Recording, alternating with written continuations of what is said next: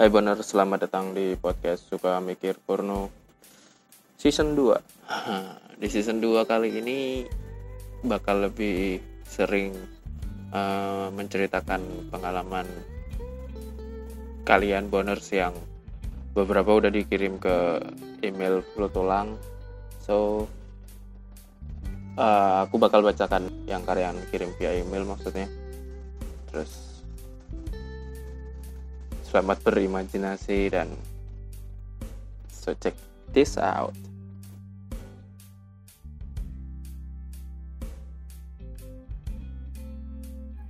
Hai tulang, hai boner.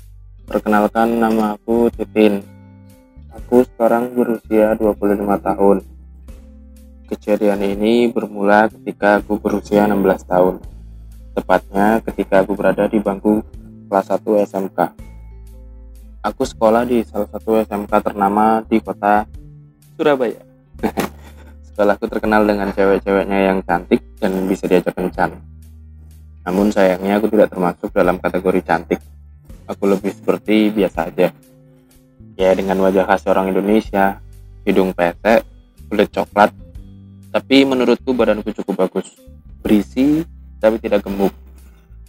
Perutku rata, tapi dadaku bulat menantang. Waduh. Oke okay. aku selalu memakai bra 34B hmm, lumayan. Walaupun kekecilan tapi aku sengaja tidak ingin memakai size 36 oh aku memakai bra 34 agar dadaku terlihat padat. Dan benar saja walaupun tanpa bra dadaku tetap kencang dan tidak turun sedikit pun karena terbiasa dengan bra kekecilan walau secara medis itu tidak dianjurkan karena menghambat aliran darah. Benar banget. Jadi mending kalian pikir-pikir ulang. Lanjut. Aku sebenarnya anak yang biasa aja. Tidak menonjol di sekolah tidak pintar banget tidak cantik banget. Tapi berhubung sahabatku salah satu primadona di sekolah aku jadi kecipratan ikut dikenal. Hehehe. Sahabatku sebut saja namanya Amel dia bisa dibilang gambaran perfect secara fisik. Dia cantik putih langsing mancung dada tidak besar dan tidak kecil ukuran beranya 34 tinggi badan 160 berat badan 45 sedangkan tinggiku cuma 158 berat badanku 48 aku lebih berisi tapi tidak gemuk. Ketika berjalan bersama Mel aku serasa jadi pengawal permaisuri semua mata tertuju pada kita. Tapi lebih tepatnya kepada Amel sih. Aku adalah anak yang supel cepat akrab dan cepat akrab dengan siapa pun ramah pada semua. Sedangkan Amel tipe yang pendiam dan jaim. Mungkin menjaga gengsinya sebagai primadona sekolah. Singkat cerita banyak sekali yang mendekati Amel tapi semuanya mental. Dan akhirnya Amel berpacaran dengan orang kantoran. Sebut aja namanya Agus. Agus berumur 38 tahun. Dia tidak tampan, tapi dia orang yang cukup kaya. Dia sering jemput Amel menggunakan mobil. Baru satu bulan mereka jadian, Amel mengajakku untuk makan bareng mereka pulang sekolah. Katanya sih ditraktir jadian. Oke lah, aku ikut. Ketika makan, aku duduk di samping Amel dan Agus berada di depan Amel. Sekali aku mempergoki Agus curi-curi pandang ke arahku. Ketika mata kami bertemu, dia langsung mengalihkan pandangannya. Oke, okay. aku tahu Agus ini bukan cowok setia. Dia pasti player. Aku paham betul sikap-sikap cowok seperti itu. Mungkin karena aku orangnya suka. Jadi aku lebih sering ngobrol dengan Agus ketika makan. Amel justru lebih banyak diam dan menyimak obrolan kami. Keesokan harinya, ada BBM masuk. Wih, masih zaman BBM ya. Namanya Agus. Aku konfirm lah dan aku lihat fotonya, ternyata Agus pacarnya Amel. Aku tanyalah Amel, kok Agus tahu pin BB ku dari mana ya? Mel bilang Agus minta pinku ke dia katanya untuk teman ngobrol. Gus bilang orangnya aku orangnya asik Amel tanpa cemburu langsung ngasih nitipinku ke Agus. Mungkin Amel merasa aku bukan saingannya. Oke. Okay. Akhirnya beberapa hari tiap malam Agus sering chat aku sampai akhirnya Agus ngajak aku nonton berdua. Aku awalnya nolak. Dia bilang sekalian curhat tentang Amel. Katanya ada sedikit masalah dalam hubungan mereka. So, okelah aku menyetujuinya. Di bioskop, dia sesekali mencoba memegang tanganku tapi aku terus berusaha menolak. Selesai nonton kita makan. Lalu dia bawa aku ke pantai. Oke. okay. Bagi kalian yang paham di mana pantai di Surabaya, tidak lain dan tidak bukan. di mana pantai itu kalau malam selalu sepi di mana-mana juga kayak gitu sempak dan banyak mobil parkir. Oke okay, entah apa yang mereka lakukan dalam mobil. Aku tahu tapi aku tidak peduli. Lalu aku dan Agus ngobrol di pinggir pantai. Aku nggak mau ngobrol di dalam mobil. Agus cerita panjang lebar tentang Amel. Agus bilang Amel terlalu pendiam jarang ngobrol dan terlalu pasif. Bahkan ketika ciuman pun Amel terlalu pasif sehingga hambar rasanya.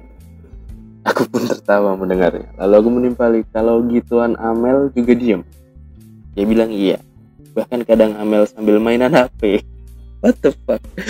Aku pun terbakar. Parahnya juga Amel ini batinku. Lalu dia mulai berbalik tanya tentang aku, tentang pacarku sampai tentang seks. Basic banget nih cowok. Aku bilang aku belum punya pacar, tapi kalau gituan udah pernah sama mantan. Kami ngobrol sampai tengah malam, lalu tiba-tiba dia merangkul pundakku. Seketika aku menoleh, Agus langsung mencium bibirku. Kamu manis, Tin. Alright. Agus rasa meleleh. Dia menciumku lagi. Kali ini sedikit menggunakan lidah. Aku sedikit membalas, lalu tangannya mulai meraba dadaku. Aku refleks melepas ciumannya. Aku tepis tangannya, lalu aku minta antar pulang. Kami masuk ke dalam mobil, diam sejenak. Tidak ada yang berbicara, lalu tiba-tiba dia kembali menciumku. What? aku menolak, tapi dia terus memaksa sampai aku terpojok. Tangannya bergerilya di dada. Sorry, tangannya bergerilya di dadaku. Entah kenapa aku memilih aku memiliki libido yang tinggi. Mungkin itulah kenapa di tanganku banyak ditumbuhi bulu-bulu halus. Um, ingat ya boners, ini cuma mitos yang sama sekali tidak bisa dibuktikan secara medis. Tapi aku tetap ber, tetap berontak. Lalu dia berhenti, dia bilang maaf. Aku terbawa suasana. Lalu aku merasa lega. Dia menyuruhku pindah ke jok belakang. Katanya, biar dia tidak tergoda melihatku. Oke, aku pun menyetujui untuk pindah ke jok belakang. Lalu dia menjalankan mobilnya ke bawah pepohonan, lalu berhenti lagi. Dia bilang mau kencing. Oke, aku menunggu di dalam mobil sambil main HP. Tiba-tiba pintu belakang dibuka. Dia naik ke jok belakang dan mulai mencumbuku lagi dengan paksa.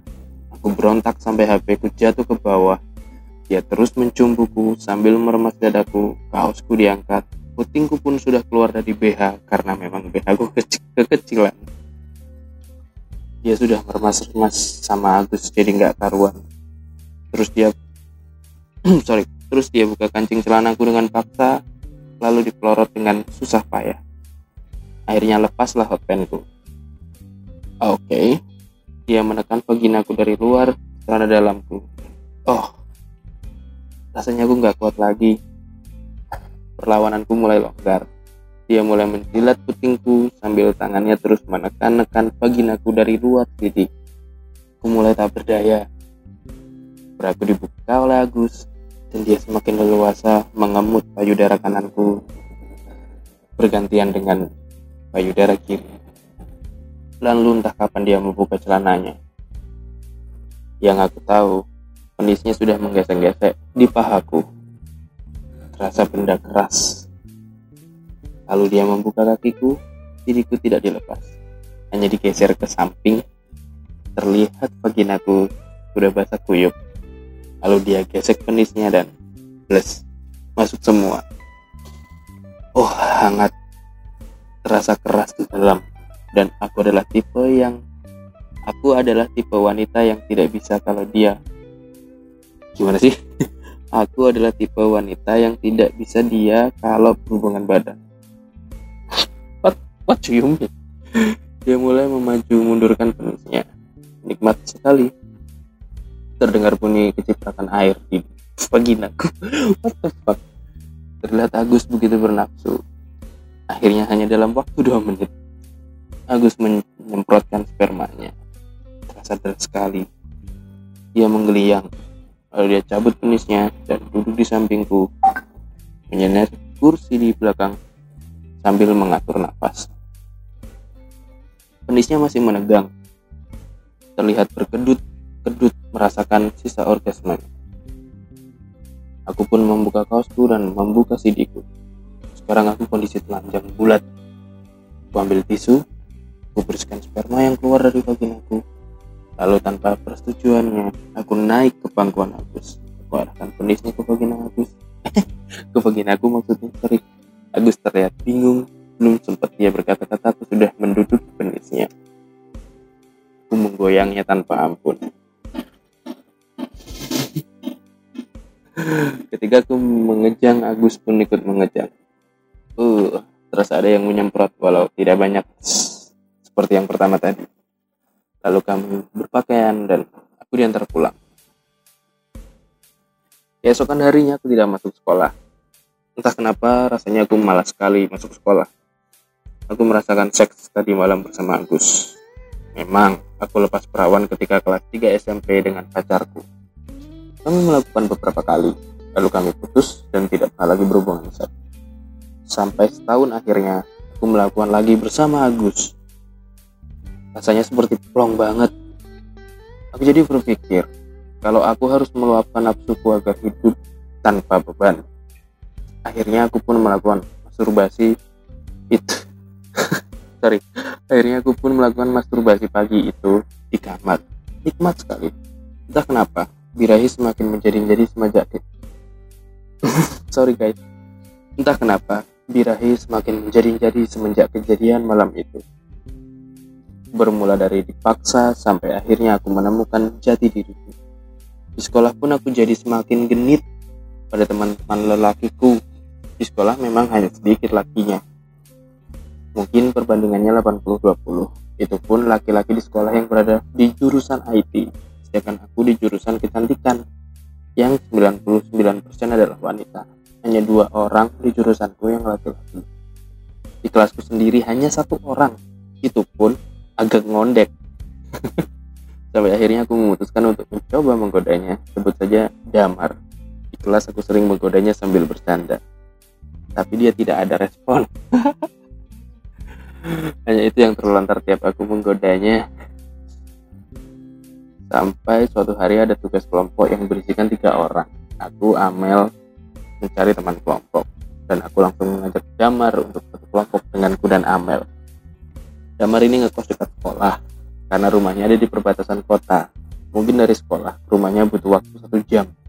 Dia bilang sih biar nggak kepanasan dan kena debu, jadi milih kos dekat sekolah. Lalu kami pun sepakat untuk mengerjakan tugas ini di kosannya Damar sepulang sekolah. Kosnya Damar terlihat sangat rapi, seperti kamar perempuan. Bahkan ada boneka teddy bear besar di ujung kasur.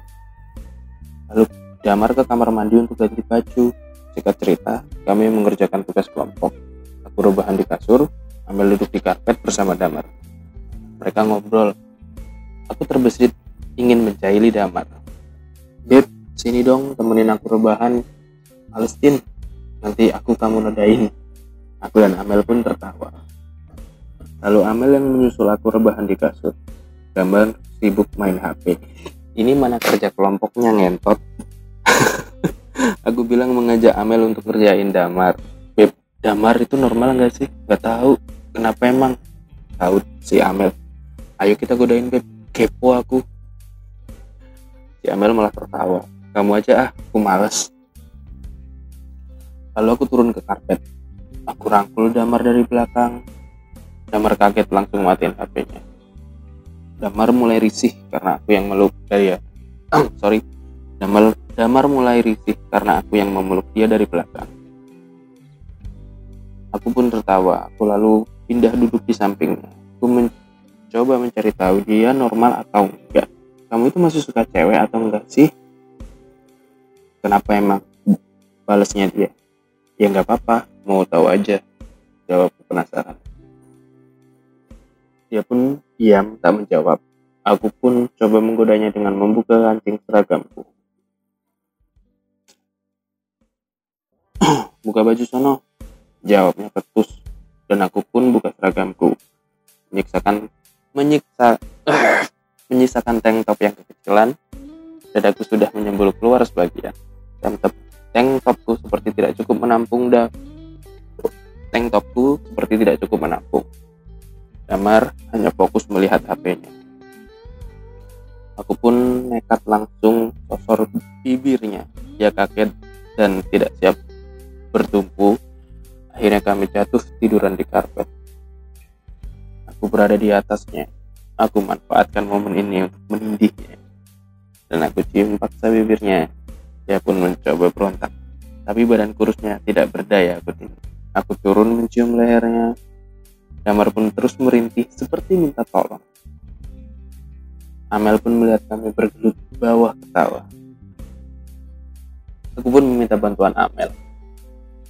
Beb, pegangin kakinya. Amel pun turun ke bawah dan megangin kaki Damar. Sambil tertawa kami mulai menelanjangi Damar. Muka Damar pun seperti mau nangis. Sampai kami melorot, sorry, sampai kami melorot celananya dan CD-nya lalu kami lempar ke atas lemari Damar hanya memakai kaos tapi bawahnya sudah tidak menggunakan apa-apa penisnya terlihat kurus lembek dan tidak ada bulu satupun aku dan Amel tertawa Damar pun duduk menekuk lututnya dia mulai menangis aku dan Amel jadi nggak tega kami duduk di sampingnya Amel mengerus Amel mengelus-ngelus rambut Damar Aku pun inisiatif mencium bibirnya. Stop. Fuck you. Damar diam saja. Amel, Amel sempat mencubit lenganku menyuruh stop. Tapi aku tidak aku tidak pedulikan. Aku cium lagi bibirnya, aku bimbing dia tiduran di atas karpet. Damar menurut saja sambil sesekali sesenggukan. Kami berciuman cukup lama. Aku lirik ke arah penisnya sedikit bangun. Wow, sepertinya berfungsi. Lalu aku mulai melepas ciumanku. Damar pun terlihat salah tingkah. Amel kembali ke kasur dan rebahan. Aku pun mulai menghisap penis Damar. Damar seperti mau melarang, tapi aku lebih cepat memasukkan penisnya ke mulutku. Aku hisap, dan dengan cepat penisnya mengeras. Dan panjang banget Aku pun melepas isapanku. Aku tatap wajah merahnya, dia menatap ke arah lemari, tidak berani melihat ke arahku. Lalu aku buka rok dan sidiku. Aku pun duduk di atas penisnya. Dan pas si kurus itu, si kurus panjang itu langsung menutup. Damar hanya menutup mata sambil menggigit bibir bawah. Aku mulai menggoyang naik turun, maju mundur. Amel pun langsung menoleh ke arahku dan damar. Anjir, ngewe beneran lu, bego lu. Aku hanya tersenyum ke arah Amel dan melanjutkan goyanganku. Di tengah-tengah permainan, aku buka tank top dan BH ku. Damar hanya melongo melihat aku membuka tank top dan BH ku. Tangannya aku arahkan ke dadaku dia hanya memegang dadaku tanpa berani meremas. Dan tidak lama, aku pun organ, aku pun orgasme pertama. Aku mengejang sedikit. Aku tersenyum ke arah Damar. Damar hanya memasang muka bingung dan salah tingkah. Lalu melepas penisnya. Aku, aku pun nungging memasang kuda, kuda-kuda untuk jogging. Damar hanya diam Aku tarik tangannya. Baru dia mengerti. Dia pun langsung memegang pinggangku. Tapi penisnya belum masuk. Aku arahkan pakai tanganku dan aku dorong pantatku ke belakang. Damar langsung memajukan sorry. Damar langsung memaju mundurkan pantatnya. Ah, nikmat sekali rasanya. Dan aku baru melihat ke arah Amel. Amel pun terangsang ia duduk di atas ranjang sambil nyender ke tembok, menonton aku dan Damar. Sambil kakinya ngangkang, roknya sudah diangkat dan dia menekan-nekan vaginanya dari luar celana dalam. Menyadari aku melihat ke arahnya, Amel langsung memberi simbol jari tengah ke arahku. Lalu melanjutkan menekan-nekan vaginanya dan tidak lama Damar semakin cepat memompa. Aku pun tidak tahan dan mengejang. Disusul oleh Damar yang menghujam penisnya dalam-dalam. Ah, aku keluar. Lalu Damar ambruk di punggungku. Tuh, Amel belum dituntas. Sambil aku menuju ke arah Amel. Damar langsung melihat ke arah Amel. Amel langsung merapikan roknya. Udah ya, aku tinggal bilas. Aku pun masuk kamar mandi. Lalu aku mengintip ke arah mereka. Damar membuka kaosnya, duduk di atas kasur, mendekati Amel. Entah apa yang mereka obrol, entah apa mereka apa yang mereka obrolin. Aku mematikan suara keran. Terdengar suara Damar meminta maaf pada Amel.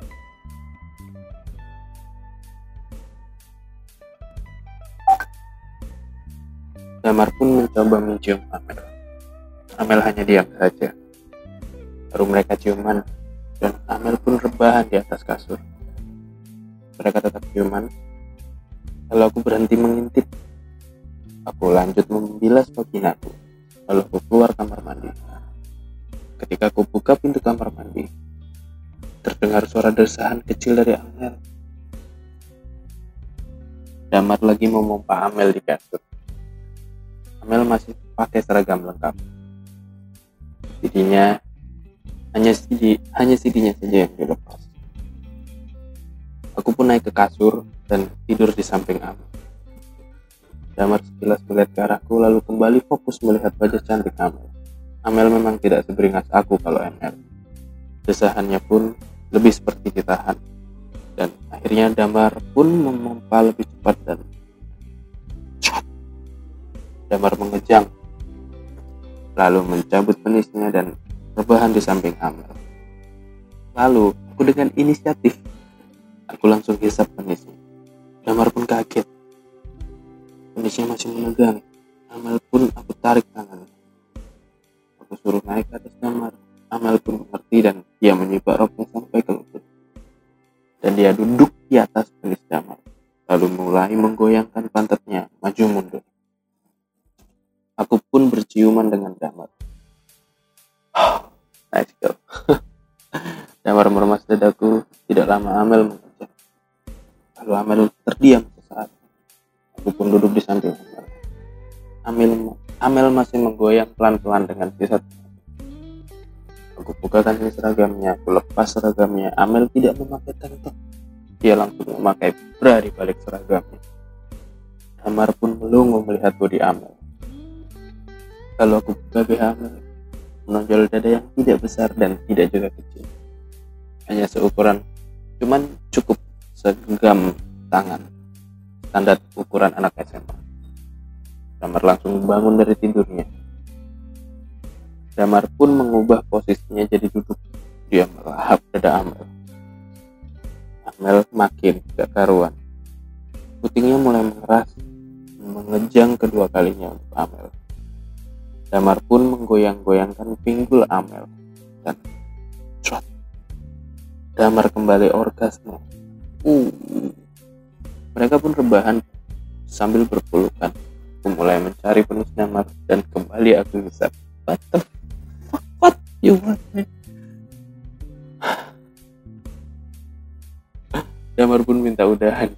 Aku tarik dia sampai jatuh ke karpet. Lalu aku duduk lagi di atas penisnya. aku mulai memompa. Damar hanya mengeluh sakit dan ngilu. Aku tidak peduli. Aku harus menentaskan birahiku. Dan akhirnya aku mengejang. Lalu aku mencabut penisnya. Aku rebah dia, aku rebahan di samping Amel. Aku peluk Amel yang tertidur. Tiba-tiba Damar naik ke kasur juga.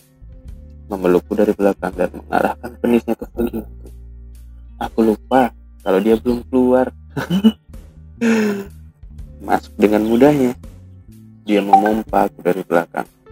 Tangannya sambil meremas dadaku. Aku pun mendesah lagi. Vaginaku mulai basah. Dan tak lama, Damar pun mempercepat kocokannya sambil memegang pinggangku. Kami pun keluar berbarengan.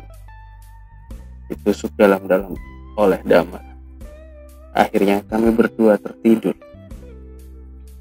Setelah itu, pengalaman seksku semakin tidak karuan. Aku jadi terkenal sebagai ayam. Banyak gosip yang beredar kalau aku mauan. Gampang diajak gituan. Tapi aku tipe orang yang apa adanya. Aku tidak jaim, dan aku tidak menampik hal itu. Walau di sekolah banyak yang ngajak aku untuk ke villa di hari Sabtu Minggu dan hampir selalu berhasil fuck you. Dan hampir selalu berhasil mengajakku. Bahkan sampai anak-anak sekolah luar pun banyak yang menghubungi itu PDKT aku tahu mereka PDKT hanya karena ingin tidur denganku. Tapi entah kenapa aku tidak pernah merasa keberatan.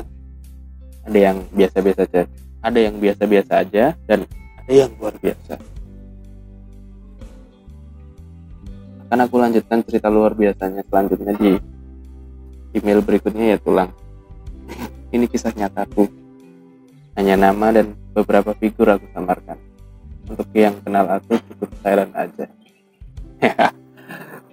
Oke Titin. Terima kasih untuk menceritakan pengalaman yang wow sangat ekstrim sekali sebenarnya ya. Banyak banyak plot twist um, buat kalian yang punya pengalaman yang sama dan ingin berbagi dengan boner semua bisa kirim aja langsung ke email.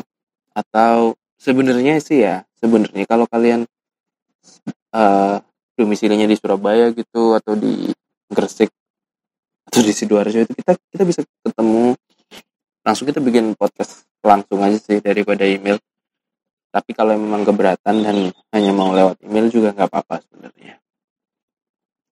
Senyamannya kalian aja lah. Um, udah mungkin segitu aja untuk podcast season 2 episode pertama ini. Judulnya apa ya? Cocok. Berawal dari paksaan nggak lupa buat mau ngingetin kulum jangan dikunyah. Wassalamualaikum semuanya